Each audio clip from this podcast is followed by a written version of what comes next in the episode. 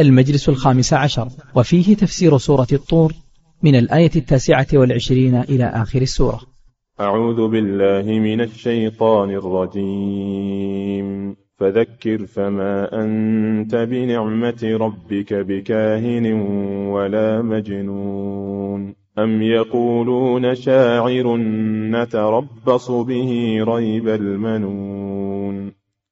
قل تربصوا فإني معكم من المتربصين أم تأمرهم أحلامهم بهذا أم هم قوم طاغون أم يقولون تقوله بل لا يؤمنون فليأتوا بحديث مثله إن كانوا صادقين أم خلقوا من غير شيء أم هم الخالقون أم خلقوا السماوات والأرض بل لا يوقنون أم عندهم خزائن ربك أم هم المسيطرون أم لهم سلم يستمعون فيه فليأت مستمعهم بسلطان مبين أم له البنات ولكم البنون أم تسألهم أجرا فهم من مغرم مثقلون أم عندهم الغيب فهم يكتبون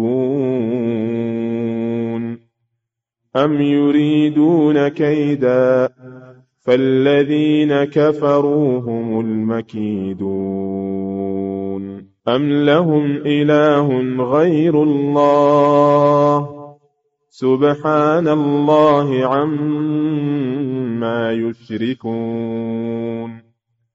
وإن يروا كسفا من السماء ساقطا يقولوا سحاب مركوم.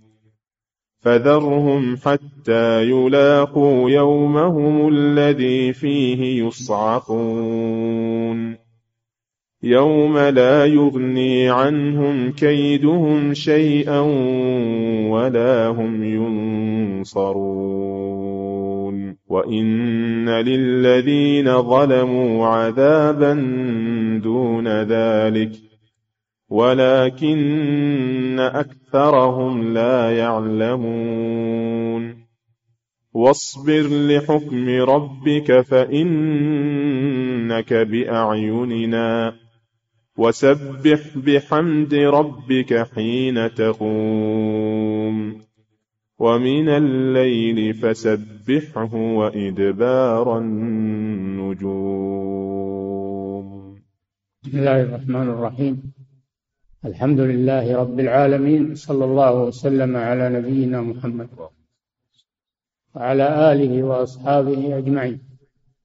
لما ذكر الله سبحانه وتعالى في الآيات السابقة من أول هذه السورة لما ذكر ما يكون في يوم القيامة ويوم البعث من العذاب الواقع الذي ليس له دافع وما يكون فيه الكفار من العذاب ودخول النار التي ليس لهم بها طاقة وليس لها مدفع وأنه لا يجدي صبرهم عليها سواء صبروا أو لم يصبروا ثم ذكر ما يكون فيه المتقون من الجنات والنعيم والمقام الكريم والبهجة والسرور بسبب ما قدموا في هذه الدنيا من الأعمال الصالحة وأنهم يتذاكرون هذا في مجالسهم في الجنة يتذاكرون ما كانوا عليه في الدنيا من الخوف من الله والعمل الذي يقدمونه يرجون السلامة في هذا اليوم.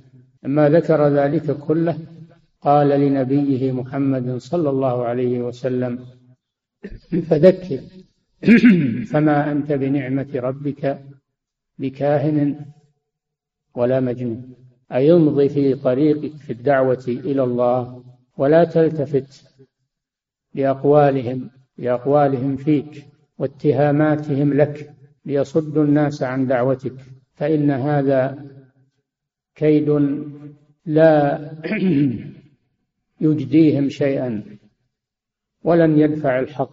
فذكر أي ذكر الناس جميعا المؤمنين والكفار والعرب والعجم والجن والإنس لأن رسالته صلى الله عليه وسلم عامة. ولهذا لم يذكر المذكر. ما قال ذكر العرب ذكر ذكر الإنس بل عمم فقال فذكر لأن تذكيره صلى الله عليه وسلم عام. وأيضا تذكيره للجيل الحاضر في وقته والأجيال الآتية من بعده إلى أن تقوم الساعة. ثم نفى عنه نفى الله عن نبيه صلى الله عليه وسلم اتهامات مغرضين. فقال فما أنت بنعمة ربك؟ أي بمنه عليك وإحسانه إليك وإرساله لك. ما أنت بهذه النعمة؟ بكاهن ولا مجنون. لأن والكاهن هو الذي يخبر عن الغيب بواسطة رأي من الشياطين يسترق السمع ثم يخبر به الكهان يخبرهم بما سمع من حديث الملائكة قبل أن يدركه الشهاب فيلقيه عليه. هل أنبئكم على من تنزل الشياطين؟ تنزل على كل أفاك أثيم. يلقون السمع وأكثرهم كاذبون. هؤلاء هم الكهان والرسول صلى الله عليه وسلم ليس بكاهن فيما يخبر به لأنهم يقولون إنه كاهن.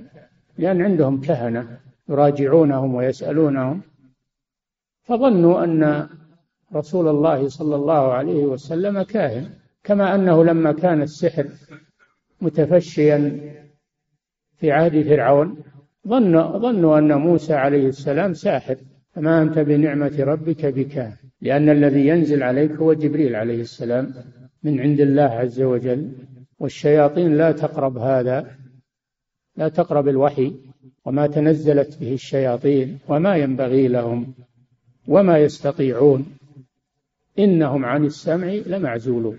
فالذي يأتي محمدا صلى الله عليه وسلم وغيره من الأنبياء إنما هو وحي من الله بواسطة الملك الأمين الروح الأمين وهو جبريل عليه السلام شديد القوى فلا تقربه الشياطين.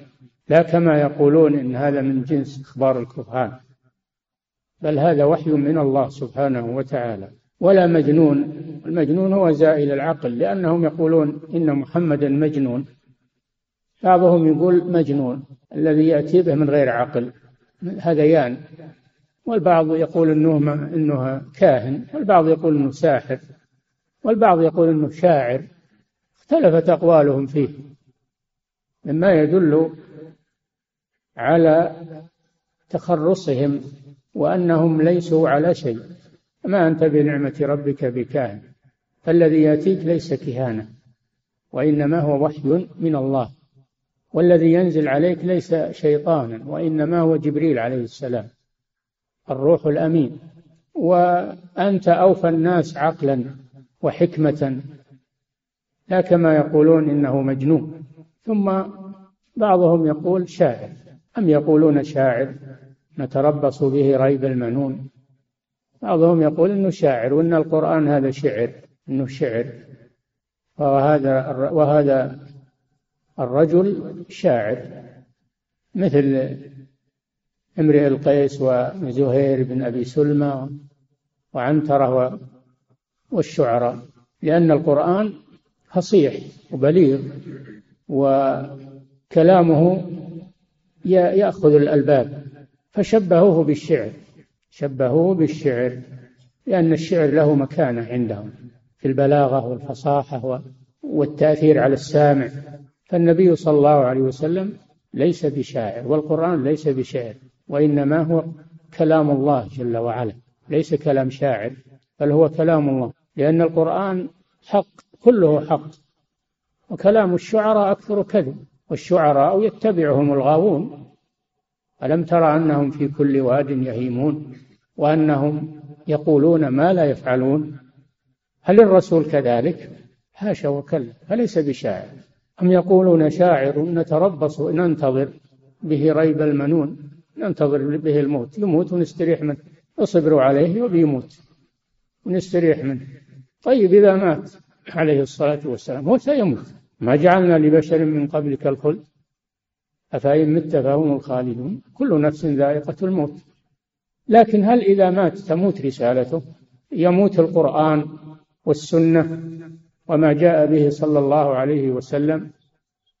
أبدا رسالته باقية وممتدة إلى أن تقوم الساعة ولو مات عليه الصلاة والسلام.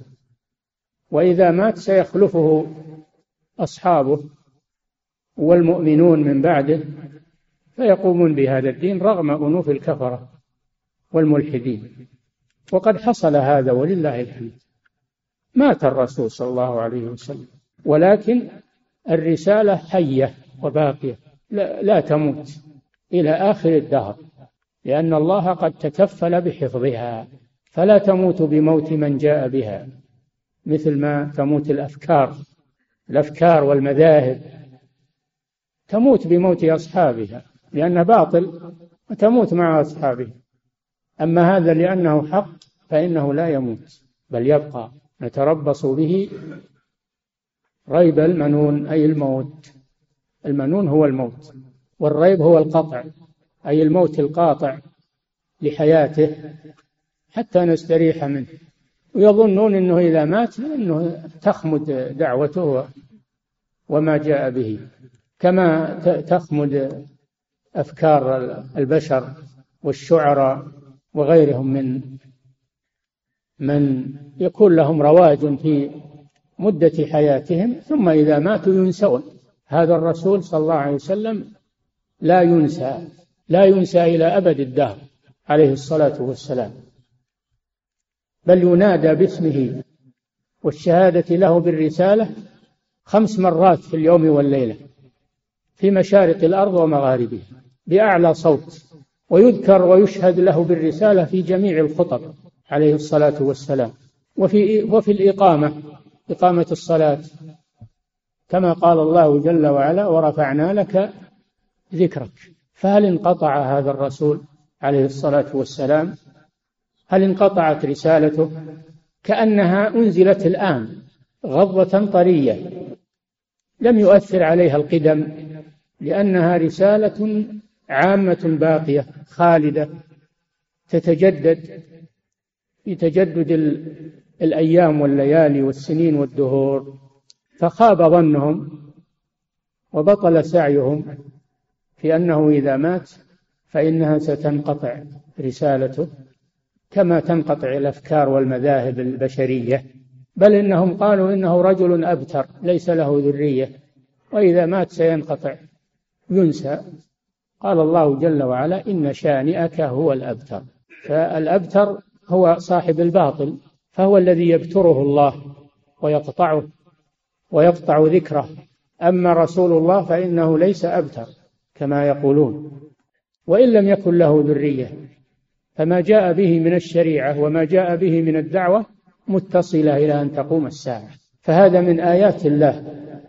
ومن معجزات هذا الرسول صلى الله عليه وسلم. قال مهددا لهم قل تربصوا هذا أمر للتهديد.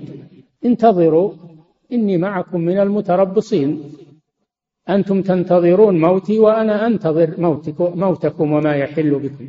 أنتم تنتظرون موتي وتزعمون أنه سينقطع ذكري ورسالتي وأنا أنتظر ما يحل بكم من العقوبة. والنكال وأينا الذي ينقطع ذكره بموته؟ أنا أو أنتم تربصوا فإني معكم من المتربصين. ف... فنحن ننتظر ما يحل بالكفار وهم ينتظرون ما يحل بالرسول صلى الله عليه وسلم وبالإسلام وبدعوة الإسلام. فالإسلام يبقى ويستمر ويدوم ودعوة الكفار تنقطع وتذهب وتبطل. ويموتون وينقطع ذكرهم بل يتبعهم الذم كل ما ذكروا. وأما الرسول صلى الله عليه وسلم فيتبعه الثناء والمدح والصلاة والسلام عليه كلما ذكر عليه الصلاة والسلام. قل تربصوا فإني معكم من المتربصين. ثم قال الله جل وعلا أم تأمرهم أحلامهم بهذا؟ عقولهم العقول. هل تأمرهم بما يقولون إن محمد إنه إنه كاهن أو مجنون أو شاعر؟ هل هذا يقوله عاقل؟ ما يقوله عاقل ولو كان كافرا ما يقول هذا. الذي معه عقله لا يقول هذا لأن الرسول صلى الله عليه وسلم جاء بما يوافق العقول السليمة والفطر المستقيمة فالعقول السليمة والفطر تشهد أن ما جاء به هو الحق وأنه ليس من عنده وليس شعرا ولا كهانة ولا جنونا وإنما هو وحي من الله سبحانه وتعالى. تأمرهم أحلامهم بهذا؟ عقولهم؟ أبدا العقول السليمة لا تأمر بهذا. فدل على أنهم ليس لهم عقول أو أن لهم عقول لكنهم لكنهم يريدون الكيد لمحمد صلى الله عليه وسلم فيقولون فيه ما يخالف العقول وهم يعرفون أنه رسول الله. قال تعالى قد نعلم إنه لا يحزنك الذي يقولون فإنهم لا يكذبون ولكن الظالمين بآيات الله يجحدون. فهم يقولون هذا جحودا وعنادا وإلا فهم يعلمون وهم عقلاء وعرب فصحاء يعلمون أن القرآن ليس شعرا ولا سحرا. ولا كهانة. يعرفون الكهانة ويعرفون السحر ويعرفون الشعر. القرآن ما يشابه هذه هذه الأشياء كلها. تأمرهم أحلامهم بهذا. أم هم قوم طاغون؟ هذا هو الصحيح أنهم قوم طاغون. والطغيان مجاوزة الحد فهم متجاوزون للحد متجاوزون لما تقوله العقول السليمة. طاغون والذي حملهم على هذا هو الطغيان وهو مجاوزة الحد في الانتقام والسخرية والكذب وهذا لا يجدي عليهم شيئا لا يجدي عليهم شيئا أبدا. أم يقولون تقوله؟ عن القرآن قاله محمد إن كان قاله محمد فهو بشر مثلكم. أنتم قولوا مثله فليأتوا بحديث مثله. ما دام إنه قول بشر أنتم بشر. هو عربي وأنتم عرب. يلا هاتوا مثله. فلياتوا بحديث مثله. إن كانوا صادقين ان ان ان محمدا صلى الله عليه وسلم هو الذي قال هذا القرآن تكلم به وليس هو كلام الله. هذا تعجيز لهم. وهم أعدى ما يكونون للرسول وللقرآن ومع هذا ما جاءوا. ما جاءوا بشيء يشابه القرآن. عجزوا. فدل على أنه كلام الله لا كلام البشر. فلياتوا بحديث مثله. إن كانوا صادقين فيما يقولون والله نفى أن يكون الرسول صلى الله عليه وسلم قال هذا القرآن من عنده. قال تعالى ولو تقول علينا بعض الأقاويل لأخذنا منه باليمين ثم لقطعنا منه الوتين. لعاجله الله بالعقوبة لأن الذي يكذب على الله يعاجله الله بالعقوبة. ولا يمهله. فلو أن الرسول وحاشاه تقول على الله لعاجله الله بالهلاك والعقوبة ولم يمهله يقول عليه ويتقول عليه ويكذب عليه. فليأتوا بحديث مثله إن كانوا إن كانوا صادقين. فدل على أنهم غير صادقين لأن الله تحداهم ولم يستطيعوا أن يأتوا بسورة واحدة. مثل أقصر سورة من القرآن. لم يأتوا بمثل سورة الإخلاص. أو إنا أعطيناك الكوثر. لم يستطيعوا. أبدا. فدل على أن القرآن ليس من كلام الرسول. وإنما هو كلام الله جل وعلا. الذي لا يشبهه شيء من كلام البشر. ثم قال جل وعلا مذكرا لهم بالتوحيد الذي أنكروه على الرسول. الرسول دعاهم إلى التوحيد وعبادة الله وحده. وهم يعبدون الأصنام والأشجار والأحجار. قال تعالى أم خلقوا من غير شيء؟ هل أنهم وجدوا على هذه الأرض من غير خالق؟ هذا لا يقوله عاقل. أنهم وجدوا من غير خالق.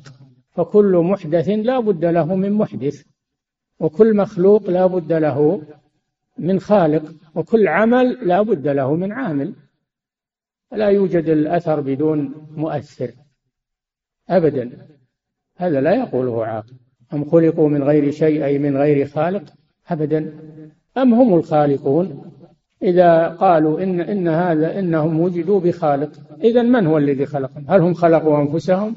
هل هم خلقوا أنفسهم وأوجدوا أنفسهم؟ أم هم الخالقون؟ هل خلقوا أنفسهم؟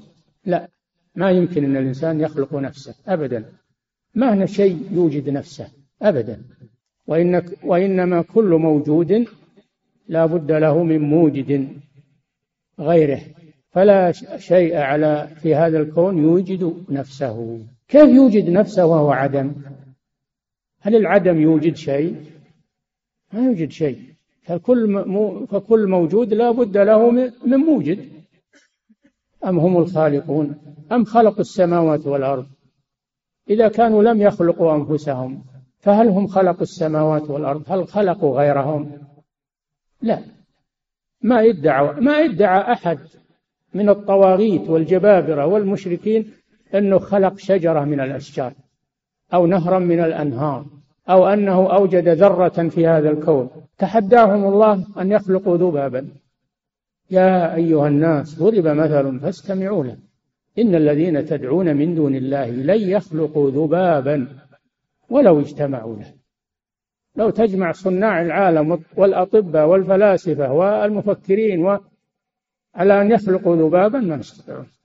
يصنعون الطائرات والنفاثات والصواريخ والمعدات لكن الذباب أصغر شيء. اللي يصنع الطائرة ويصنع يعجز يخلق ذباب. لأن هذا خلق الله جل وعلا. ما أحد يشاركه فيه. أبدا. لا أحد يشارك الله. أم لهم شركاء خلقوا كخلقه فتشابه الخلق عليهم.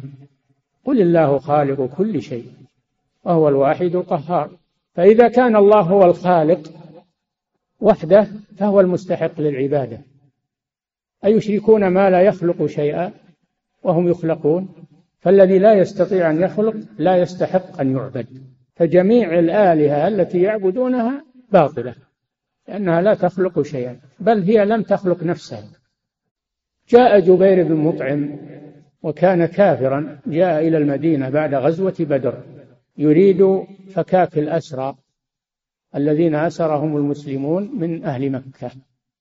فسمع النبي صلى الله عليه وسلم يقرأ هذه الآيات في صلاة المغرب.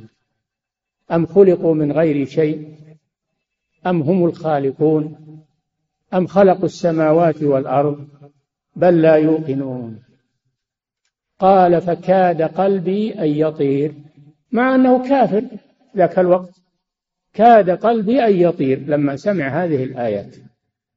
المحيرة الملزمة المفحمة تحير وكاد قلبه أن يطير. ثم من الله عليه بعد ذلك بالإسلام فأسلم وحسن إسلامه رضي الله عنه.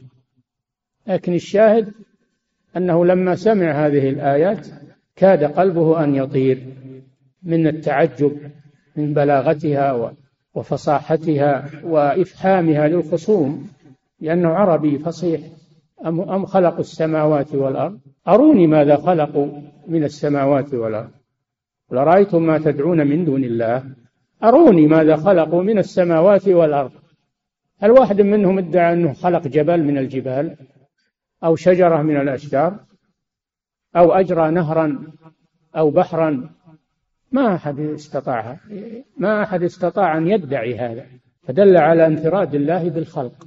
وما دام أنه هو المنفرد بالخلق فهو المنفرد بالألوهية والعبادة. فهذا فيه إبطال الشرك من أصله. ثم قال جل وعلا أم عندهم خزائن ربك؟ خزائن ربك المملوءة بالخيرات والأرزاق. يعني هم حسدوك على الرسالة حسدوك على الرسالة والنبوة. هل هم يملكون خزائن الله ويريدون منع الإعطاء من الله عز وجل؟ يحجرون على الله جل وعلا يحجرون عليه سبحانه وتعالى في عطائه لخلقه. أم عندهم خزائن ربك؟ يمنعون الرسالة ويعطونها من يشاءون ومن يريدون؟ لا خزائن الله بيده سبحانه وتعالى. لا أحد يملكها سواه أبدا.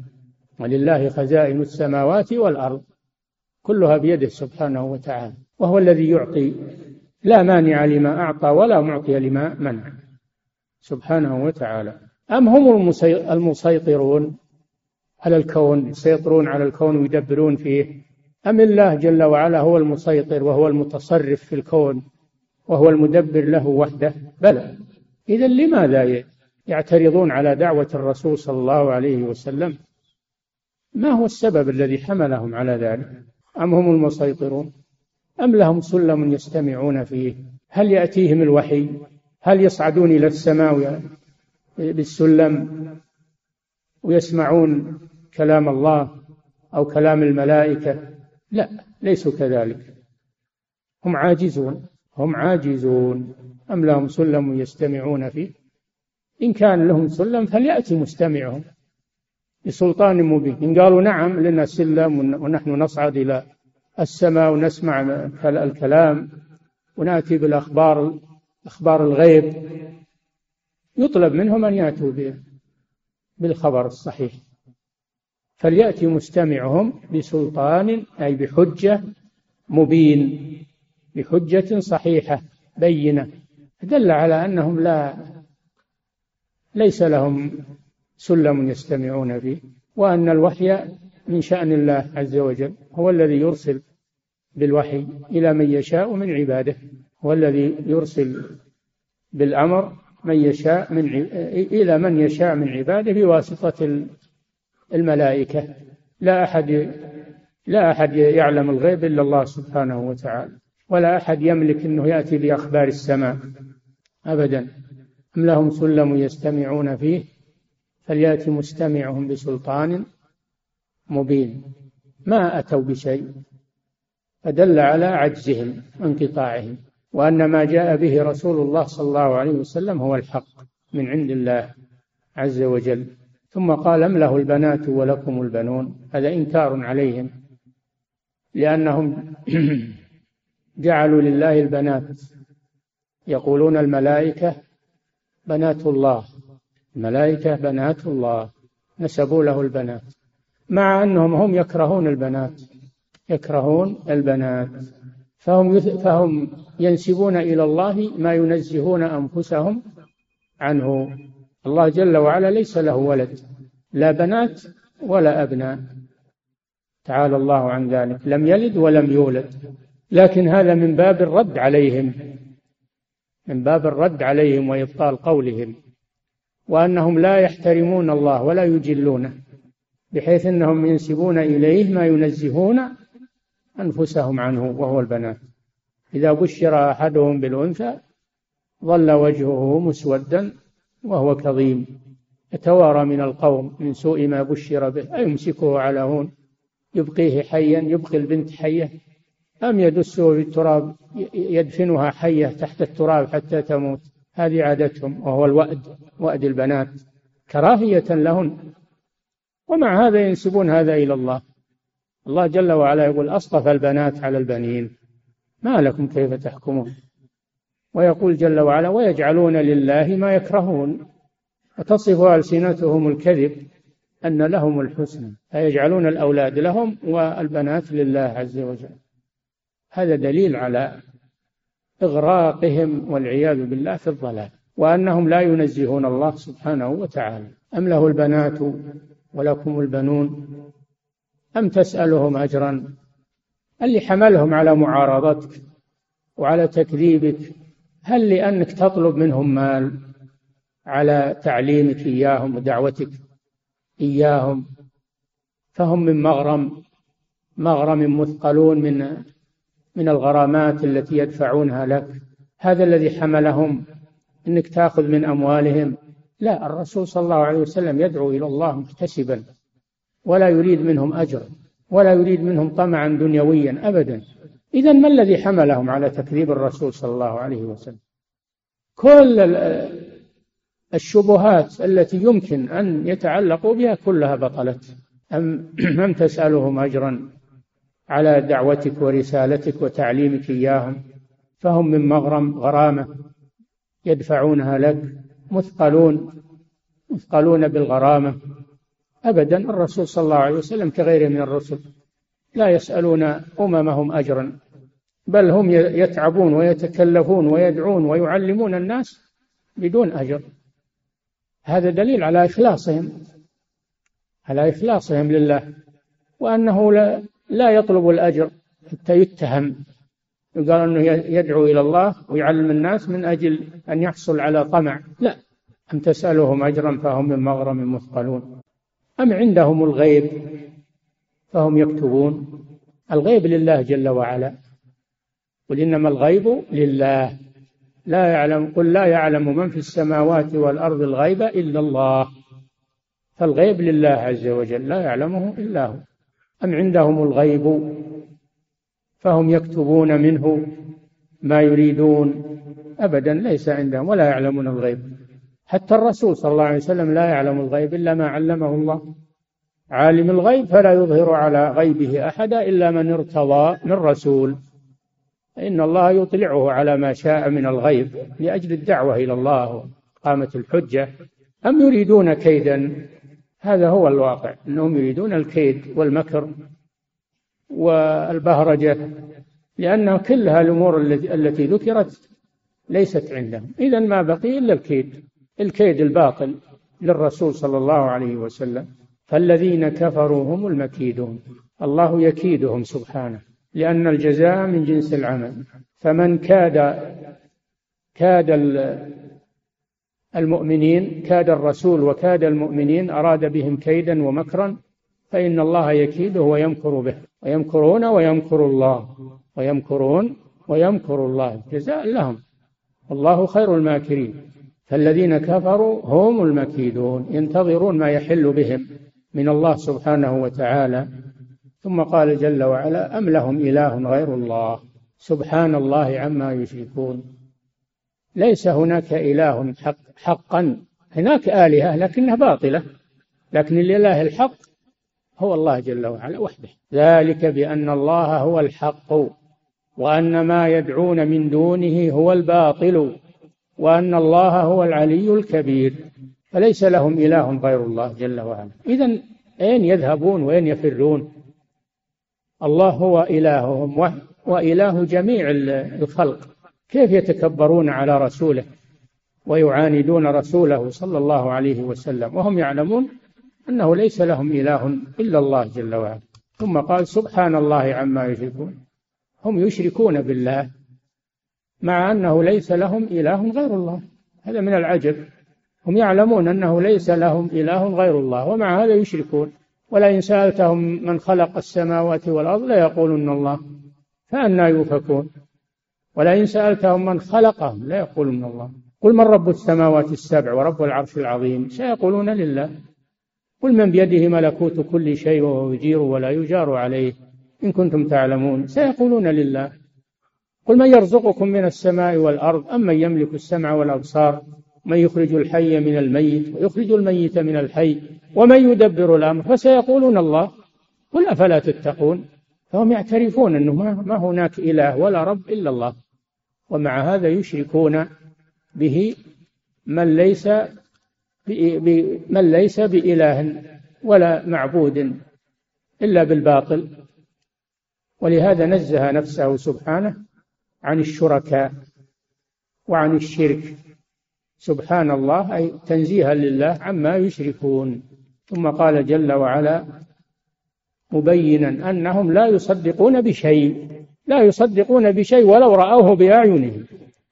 وإن يروا كسفا من السماء ساقطا يعني لو رأوا السماوات تتقطع وتنزل عليهم ما اعترفوا بل قالوا وإن يروا كسفا من السماء ساقطا يقولوا سحاب.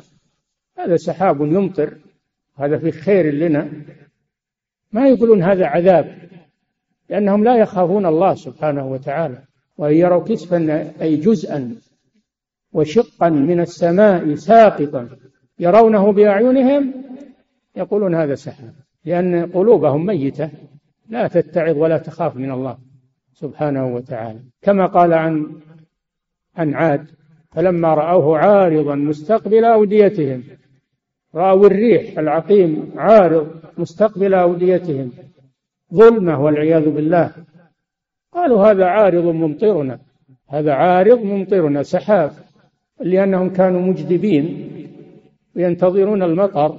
فلما رأوا الريح مقبلة ما اتعظوا ولا خافوا.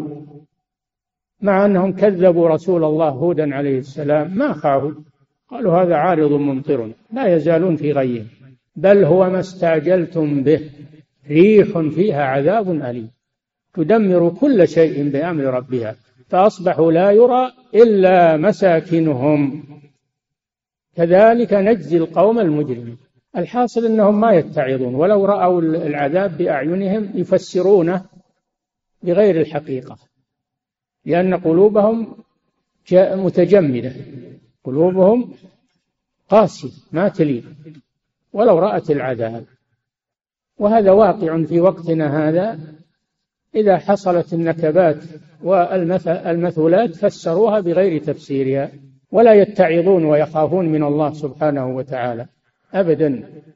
إنما يتعظ أهل الإيمان ويخافون الله عز وجل. أما هؤلاء فلقسوة قلوبهم لو رأوا السماء تتقطع وتنزل عليهم ما اتعظوا لأن الله أعمى قلوبهم وإن يروا كسفا من السماء ساقطا يقول سحاب مركوم قال الله جل وعلا لنبيه فذرهم اتركهم اتركهم. وامضي في دعوتك ولا تلتفت إليهم. قد بلغتهم. قد بلغتهم ولا يحزنك أمرهم أبدا. لا يحزنك أمرهم. فذرهم آه وإن يروا, وإن يروا كسفا من السماء ساقطا يقول سحاب مركوم فذرهم أي اتركهم وامضي في دعوتك ولا تلتفت إليهم حتى يلاقوا يومهم الذي فيه يصعقون حتى يحل بهم الهلاك ويأتيهم اليوم الذي يصعقون فيه. وهو يوم القيامة. ونفخ في الصور فصعق من في السماوات ومن في الأرض إلا من شاء الله. وكلنا توه داخرين. ونفخ ونفخ في الصور فصعق من في السماوات ومن في الأرض إلا من شاء الله. ثم نفخ فيه أخرى. وفي الآية الأخرى ويوم, ويوم ينفخ في الصور ففزع من في السماوات ومن في الأرض إلا من شاء الله. وكلنا توه داخرين وترى الجبال تحسبها جامدة وهي تمر مر السحاب. من يفسرها الآن يقول الجبال لأن الأرض تدور وتمشي كأنها سحاب. هذا تحريف لكلام الله عز وجل. هذا لا يبعد أن يكون مثل قول هؤلاء سحاب مركوم ما يتعظون. ولا حول ولا قوة إلا بالله. يقولون على الله ما لا يعلمون ويفسرون كلامه بالباطل. نسأل الله العافية. ويقولون هذا من إعجاز القرآن العلمي هذا من عجزكم ما هو من إعجاز القرآن. هذا من عجزكم عن العلم. الآية ما هي في دوران الأرض؟ الآية فيما يحصل يوم القيامة ونفخ في الصور ففزع من في السماوات والأرض إلا من شاء الله وكلنا توه داخل. وترى الجبال تحسبها يعني حين ذاك حين ذاك ترى الجبال تحسبها جامدة راسية وهي تمر لأنها تذوب تصير هباء تصير هباء منبثا فتراها وتكون كالعهن المنفوش. هذا في وقت قيام الساعة حتى يلاقوا يومهم الذي فيه يصعقون. يوم لا يغني عنهم كيدهم شيئا. في هذا اليوم ما ينجي من منه شيء. لا مال ولا أهل ولا قبيلة ولا ملك ولا سلاح ولا عدة ولا طائرات ولا مدرعات ولا ولا ولا. ما ما ينجي من هذا اليوم شيء. يوم لا يغني عنهم كيدهم شيئا. يوم لا يغني عنهم كيدهم شيئا ولا هم ينصرون. لا أحد ينصرهم. أن يستنجدوا بدول أو بجماعة أو بقبائل. ما حد ينجدهم من هذا. ولا هم ينصرون. فهم لا يمتنعون بقوتهم ولا أحد ينصرهم لا أحد ينصرهم في هذا اليوم. يوم لا يغني عنهم كيدهم شيئا ولا هم ينصرون. ثم قال وإن للذين ظلموا عذابا دون ذلك يعني دون ما يحصل يوم القيامة عذاب في الدنيا عذاب قريب في الدنيا. قيل هو ما أصابهم يوم بدر وما بعدها من انتصار الرسول صلى الله عليه وسلم عليهم وقتلهم وقيل المراد به عذاب القبر. كما قال تعالى ولنذيقنهم من العذاب الأدنى دون العذاب الأكبر لعلهم يرجعون ولا مانع أن يكون ما يصيبهم في الدنيا وما يصيبهم في القبر. هذا كله دون العذاب الأدنى وهذا دون العذاب الأكبر الذي يوم القيامة. وإن للذين ظلموا وإن للذين ظلموا عذابا ظلموا أنفسهم بالكفر والشرك عذابا دون ذلك في الدنيا أو في البرزخ أو كليهما. وهذا هو الصحيح أنه في كليهما ولكن أكثرهم لا يعلمون. لا يعلمون العلم الذي ينفعهم. يعلمون ظاهرا من الحياة الدنيا وهم عن الآخرة هم غافلون. يعلمون الاختراعات والكنوز وما آه، في بطن الأرض من المعادن والصناعات يعلمونها هذا كله من أمور الدنيا. وهو فاني ومنقطع. إنما العلم الذي ينفع هو علم الآخرة علم الشرع. هذا هو العلم الذي ينفع وينجي في يوم القيامة. ولكن أكثرهم لا يعلمون. ثم قال جل وعلا مسليا لنبيه عليه الصلاة والسلام واصبر لحكم ربك. اصبر واستمر على الدعوة. ولا تلن. ولا تخف منهم. لا تخف منهم ومن كيدهم وتهريجهم وإشاعاتهم. امضي في سبيلك واصبر. في الآية الأخرى فاصبر كما صبر أولو العزم من الرسل ولا تستعجل لهم. واصبر لحكم ربك أي لأمره سبحانه وقضائه وقدره. فإنك بأعيننا بمرأ منا بمرأ منا. نحن نراك ونحن معك. كما قال لموسى وهارون إنني معكما لا تخافا إنني معكما أسمع وأرى. فإنك بأعيننا نراك. وتوكل على العزيز الرحيم الذي يراك حين تقوم تقلبك في الساجدين. فإنك بأعيننا بمرأ منا وبحفظ منا وكلاءة منا. شوف كلهم على مكرهم وكيدهم وشرهم ما استطاعوا أن ينالوا الرسول صلى الله عليه وسلم بشيء. وهو بشر واحد وهم أمم. ما استطاعوا لأنه بحفظ الله عز وجل. فإنك بأعيننا.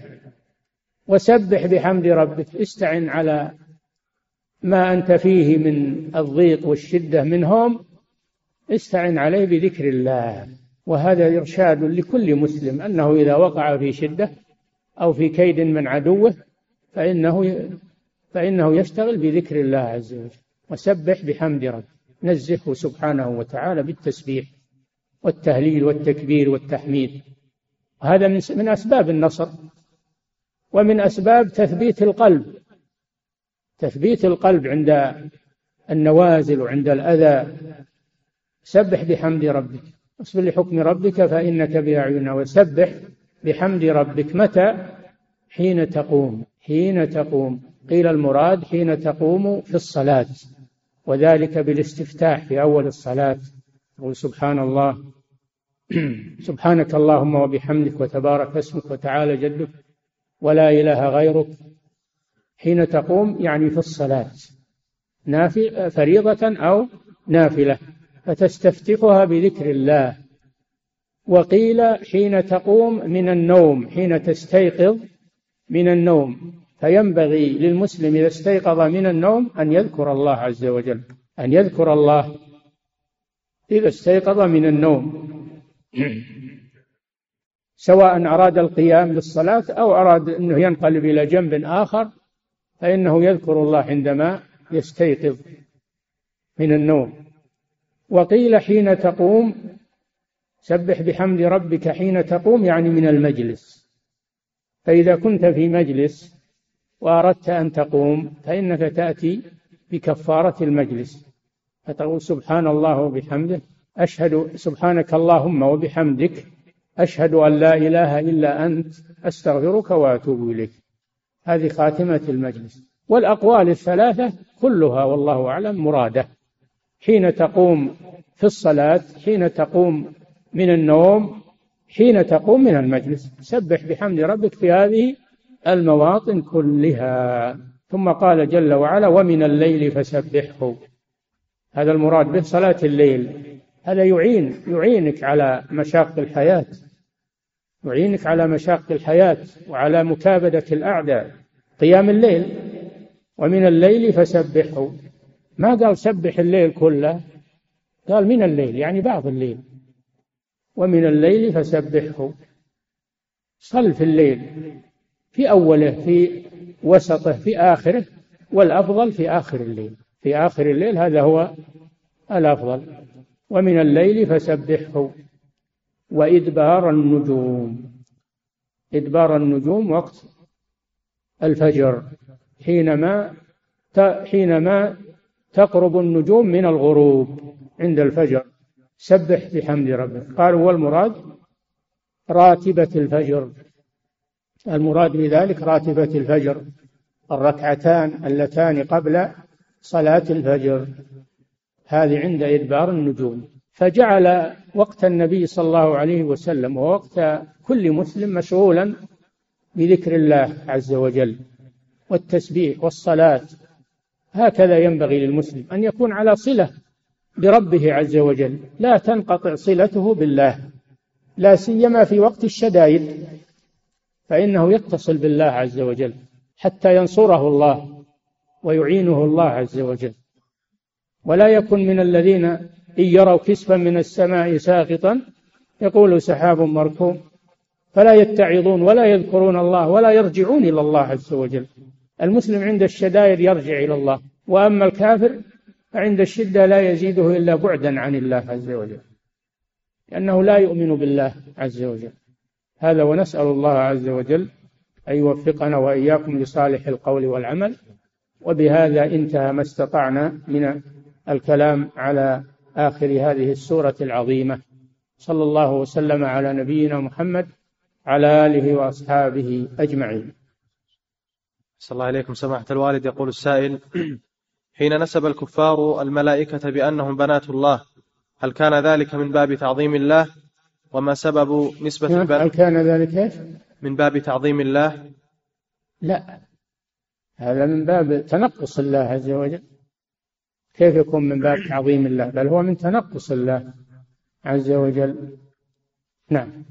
يقول وما سبب نسبة البنات دون البنين؟ هذا سببه الكفر بالله عز وجل سببه الكفر وعدم تعظيم الله عز وجل. نعم. صلى الله عليكم سماحة الوالد. يقول السائل خرجت في الآونة الأخيرة في الجوالات. ها؟ يقول خرجت في الآونة الأخيرة كتابة المصحف كاملا في الجوالات بحيث يستطيع الشخص أن يقرأ منه القرآن كله. والسؤال هل يجوز للمرأة أن تقرأ منه وهي حائض؟ الحائض لا تقرأ القرآن لا من الجوال ولا من المصحف ولا عن ظهر قلب. الحائض والجنوب لا يقرأون القرآن لا من المصحف ولا من الجوال ولا عن ظهر قلب حتى يتطهر من الحدث الأكبر. وكون القرآن يخزن في الجوال هذا من إقامة الحجة على العباد من إقامة الحجة على العباد. ما أحد يقول أنا ما دريت يا رب. فهذا والله من إقامة الحجة ومن بلوغ القرآن إلى كل أحد. وهو في نفس الأمر نعمة من الله لمن أراد الله له السعادة في أن القرآن مصاحبا له يقرأ منه في أي مكان وفي وفي أي زمان. فهذا نعمة من الله عز وجل. هو نعمة وهو في نفس الوقت إقامة حجة على العباد. نعم. صلى الله عليكم سماحة الوالد يقول السائل تقدم معنا أن الأطفال الموتى أنهم يبعث لهم رسول فيمتحنون فكيف نجمع بين ذلك وبين الإيمان بأن النبي صلى الله عليه وسلم هو آخر الرسل؟ لا في الدنيا آخر الرسل في الدنيا والدنيا غير الآخرة. نعم. صلى الله عليكم سماحة الوالد يقول السائل في قوله تعالى وإدبار النجوم ما وجه فتح إدبار؟ وهل هي معطوفة؟ نعم. يقول ما وجه فتح إدبار؟ كيف فتح إدبار؟ مكسورة الآن إدبار النجوم. هذاك أدبار السجود. أدبار السجود في سورة قاف. هي المفتوح. نعم. صلى الله عليكم سماحة الوالد يقول السائل في قول الله جل وعلا والله خير الماكرين. فيه أن الله تعالى يمكر. فهل هذا دليل على أن صفة المكر ليست صفة سيئة على إطلاقها؟ المكر هو إيصال العقوبة على وجه لا يشعر لا يشعر به الإنسان.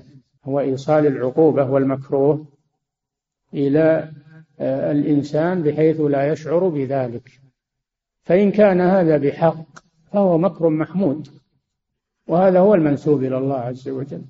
وإن كان ذلك بالباطل فهذا مكر مذموم وهذا هو المكر المنهي عنه. نعم. صلى الله عليكم سماحة الوالد يقول السائل هل ما يأتي به الجن هل ما يأتي به الجن إلى الكاهن من خبر السماء؟ يقال له غيبا مقيدا عن أهل الأرض. يقال له إيش؟ غيبا مقيدا. مقيدا نعم. أو مغيبا. يقول غيبا مقيدا. هذا الذي يأتي به الشيطان ما هو بالجن الشيطان. الذي يأتي به الشيطان من استراق السمع لأن الشياطين يركب بعضهم بعضا في العنان يعني في السحاب حتى يستمعوا قول الملائكة ثم يأتي الشهاب. الذي يرميهم الله به فقد يدركه الشهاب ويحرقه وقد يلقي الكلمة على رأيه من الإنس قبل أن يدركه الشهاب فيكذب معها مئة كذبة. الكاهن يكذب مع الكلمة الواحدة التي سمعت من الملائكة مئة كذبة. فيصدقه الناس في كل ما يقول بسبب هذه الكلمة التي سمعت من السماء. نعم. صلى الله عليكم سماحة الوالد. يقول السائل هل مسألة حل السحر بالسحر مسألة خلافية وأن علماء الحنابلة أفتوا بها ومن حرمها إنما حرمها لسد الذريعة وللمصلحة؟ يا أخوان الخلاف ما هو محصور. الخلاف يقع لكن الكلام فيما يدل عليه الدليل. فإذا اختلف العلماء فإننا لا ننظر إلى مجرد اختلافهم ونقول هذا دليل على سعة الأمر. ودليل على أنك مخير تأخذ من الأقوال ما تشاء. هذا من من قول أتباع الهوى الذين يتبعون ما تهواه أنفسهم. فيأخذون من الأقوال ما يوافق أهواءهم. الواجب إذا اختلف العلماء أن نرد خلافهم إلى الدليل إلى الكتاب والسنة. فما وافق الكتاب والسنة فهو حق وما خالفه فهو خطأ. لا لا نعتبره ولا نأخذ به أبدا وهو خلاف. الدليل. قال تعالى يا أيها الذين آمنوا أطيعوا الله وأطيعوا الرسول وأولي الأمر منكم. فإن تنازعتم في شيء فردوه إلى الله والرسول. ذلك خير وأحسن تأويلا. ما نبقى على اختلافنا ونقول كل واحد يأخذ ما يصلح له من أقوال أهل العلم. هذا قول أهل الباطل وأهل الهوى. بل نقول نرد النزاع إلى كتاب الله وسنة رسوله. فما شهد له الكتاب والسنة فهو حق وما خالف فهو خطأ. نعتذر لصاحبه ولا نأخذ به. نعم. ومن ذلك قضية حل السحر.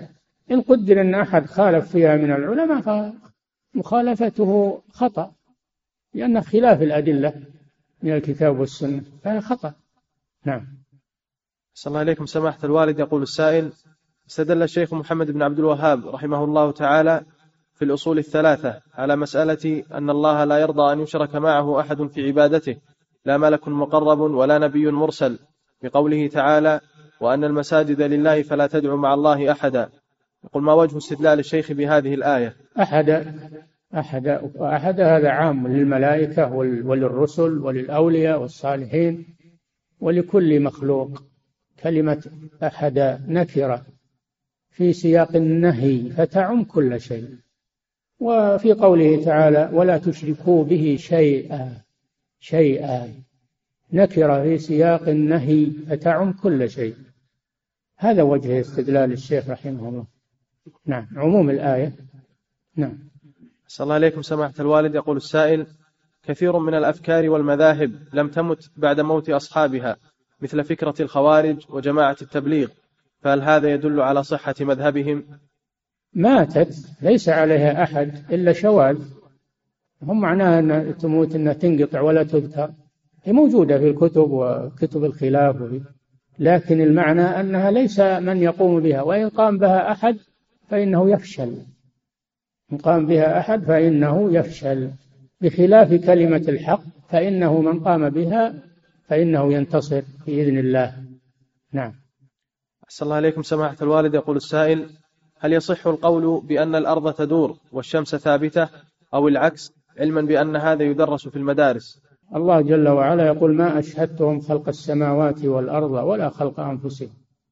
ما أشهدتهم خلق السماوات والأرض ولا خلق أنفسهم. هذه أمور كونية لا نحيط بها لا نحيط بها لا بأقطار السماوات والأرض ولا أعماق البحار ولا فيها أشياء ما اكتشفت إلى الآن. فيها فيها أشياء ما وصلوا إليها إلى الآن. مغيبات لا يعلمها إلا الله ولا تكتشف إلا في وقتها الذي حدده الله لها. لكل نبأ مستقر وسوف تعلمون. فلا نستعجل الأمور ولا نحكم على الغيب وما لا نعلمه. ظاهر القرآن أن الشمس تدور وأن وأن الأرض مستقرة وثابتة. والشمس هي التي تدور عليها وجميع الأفلاك الشمس والقمر والنجوم كلها تدور على الأرض. هذا هو الذي يدل عليه ظاهر القرآن. أما نظريات الفلكيين هذه لا يعتمد عليها. لا يعتمد عليها. والواجب على الإنسان أنه يمسك عن هذه الأمور ولا يدخل فيها. لا يدخل فيها. وكونها تدرس في المدارس للاطلاع فقط. ما هو بلأجل أن تعتقدها أو تجزم بصحتها. فأنت تدرسها للاطلاع فقط وأن هذا شيء قيل لكن أنت لا تصدق به ولا تعتقده. نعم. أحسن الله إليكم سماحة الوالد. يقول السائل ما رأي سماحتكم في كتب التفسير التالية؟ يقول ما رأي سماحتكم في كتب التفسير التالية؟ زاد المسير لابن الجوزي. هذا طيب. زاد المسير ملخص للتفاسير. وهو يقول أني لخصته لأجل أن يحفظ. هو عشرة مجلدات إن كان فيكم همة هو لخصه لكم لتحفظوه. عشرة مجلدات. أتى بأقوال مجردة. الأقوال في الآية. قيل كذا قيل كذا قيل كذا. من أجل أن تلم بأقوال المفسرين. ها. يقول أحسن عليكم فتح القدير للشوكاني. طيب في الجملة وهو ينقل أحيانا عن المعتزلة وعن غيرهم أقوالا باطلة في الأسماء والصفات. تأويلات ولا يعقب عليها رحمه الله. فهذا خطأ بلا شك. نعم. اللي يقرأه يظن أن الشوكاني يرى هذا الرأي. فالخطأ جاء من أنه لم يعقب عليها. نعم. يقول أنه, إنه ساقها ولم يعقب عليها. فيظن أن هذا رأيه. نعم.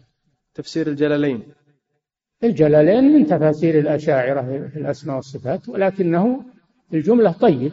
كان مقررا في في المعاهد العلمية على وقت الشيخ محمد بن إبراهيم قرأناه حفظنا المقرر منه.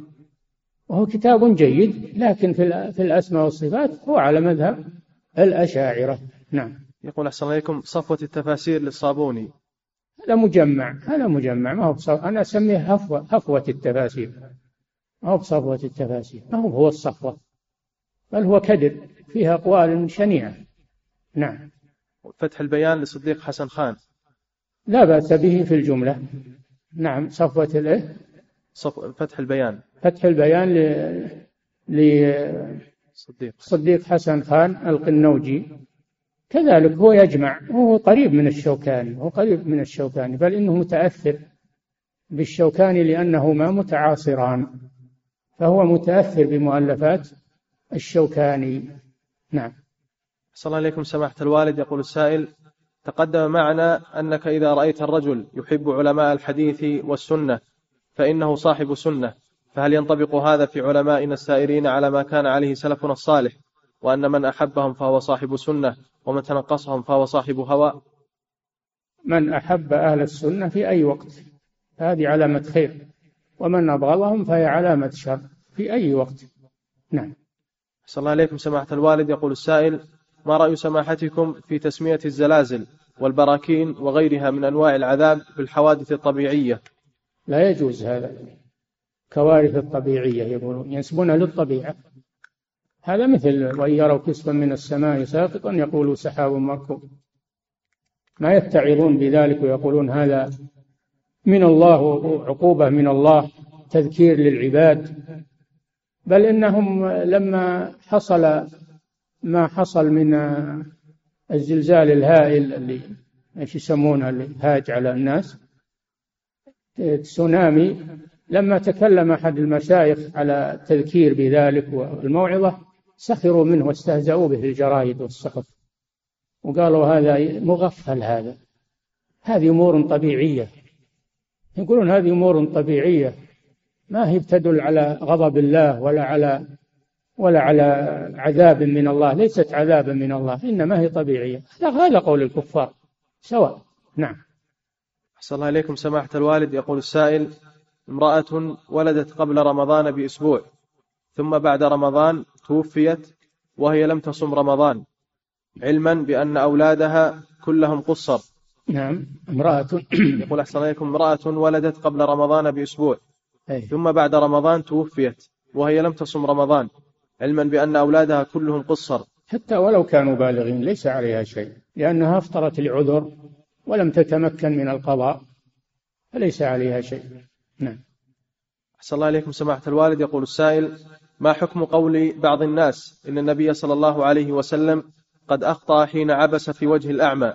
قد, قد أخطأ حين عبس في وجه الأعمى. ما أظن مسلم بيقول هالكلام هذا. الرسول أخطأ ما أظن مسلم يقول هذا الكلام. الرسول صلى الله عليه وسلم لما إنه أراد أن يعزل الضعفاء عن مجالس أشراف قريش قصده الدعوة إلى الله يستميل هؤلاء الأشراف. الله نهاه عن ذلك.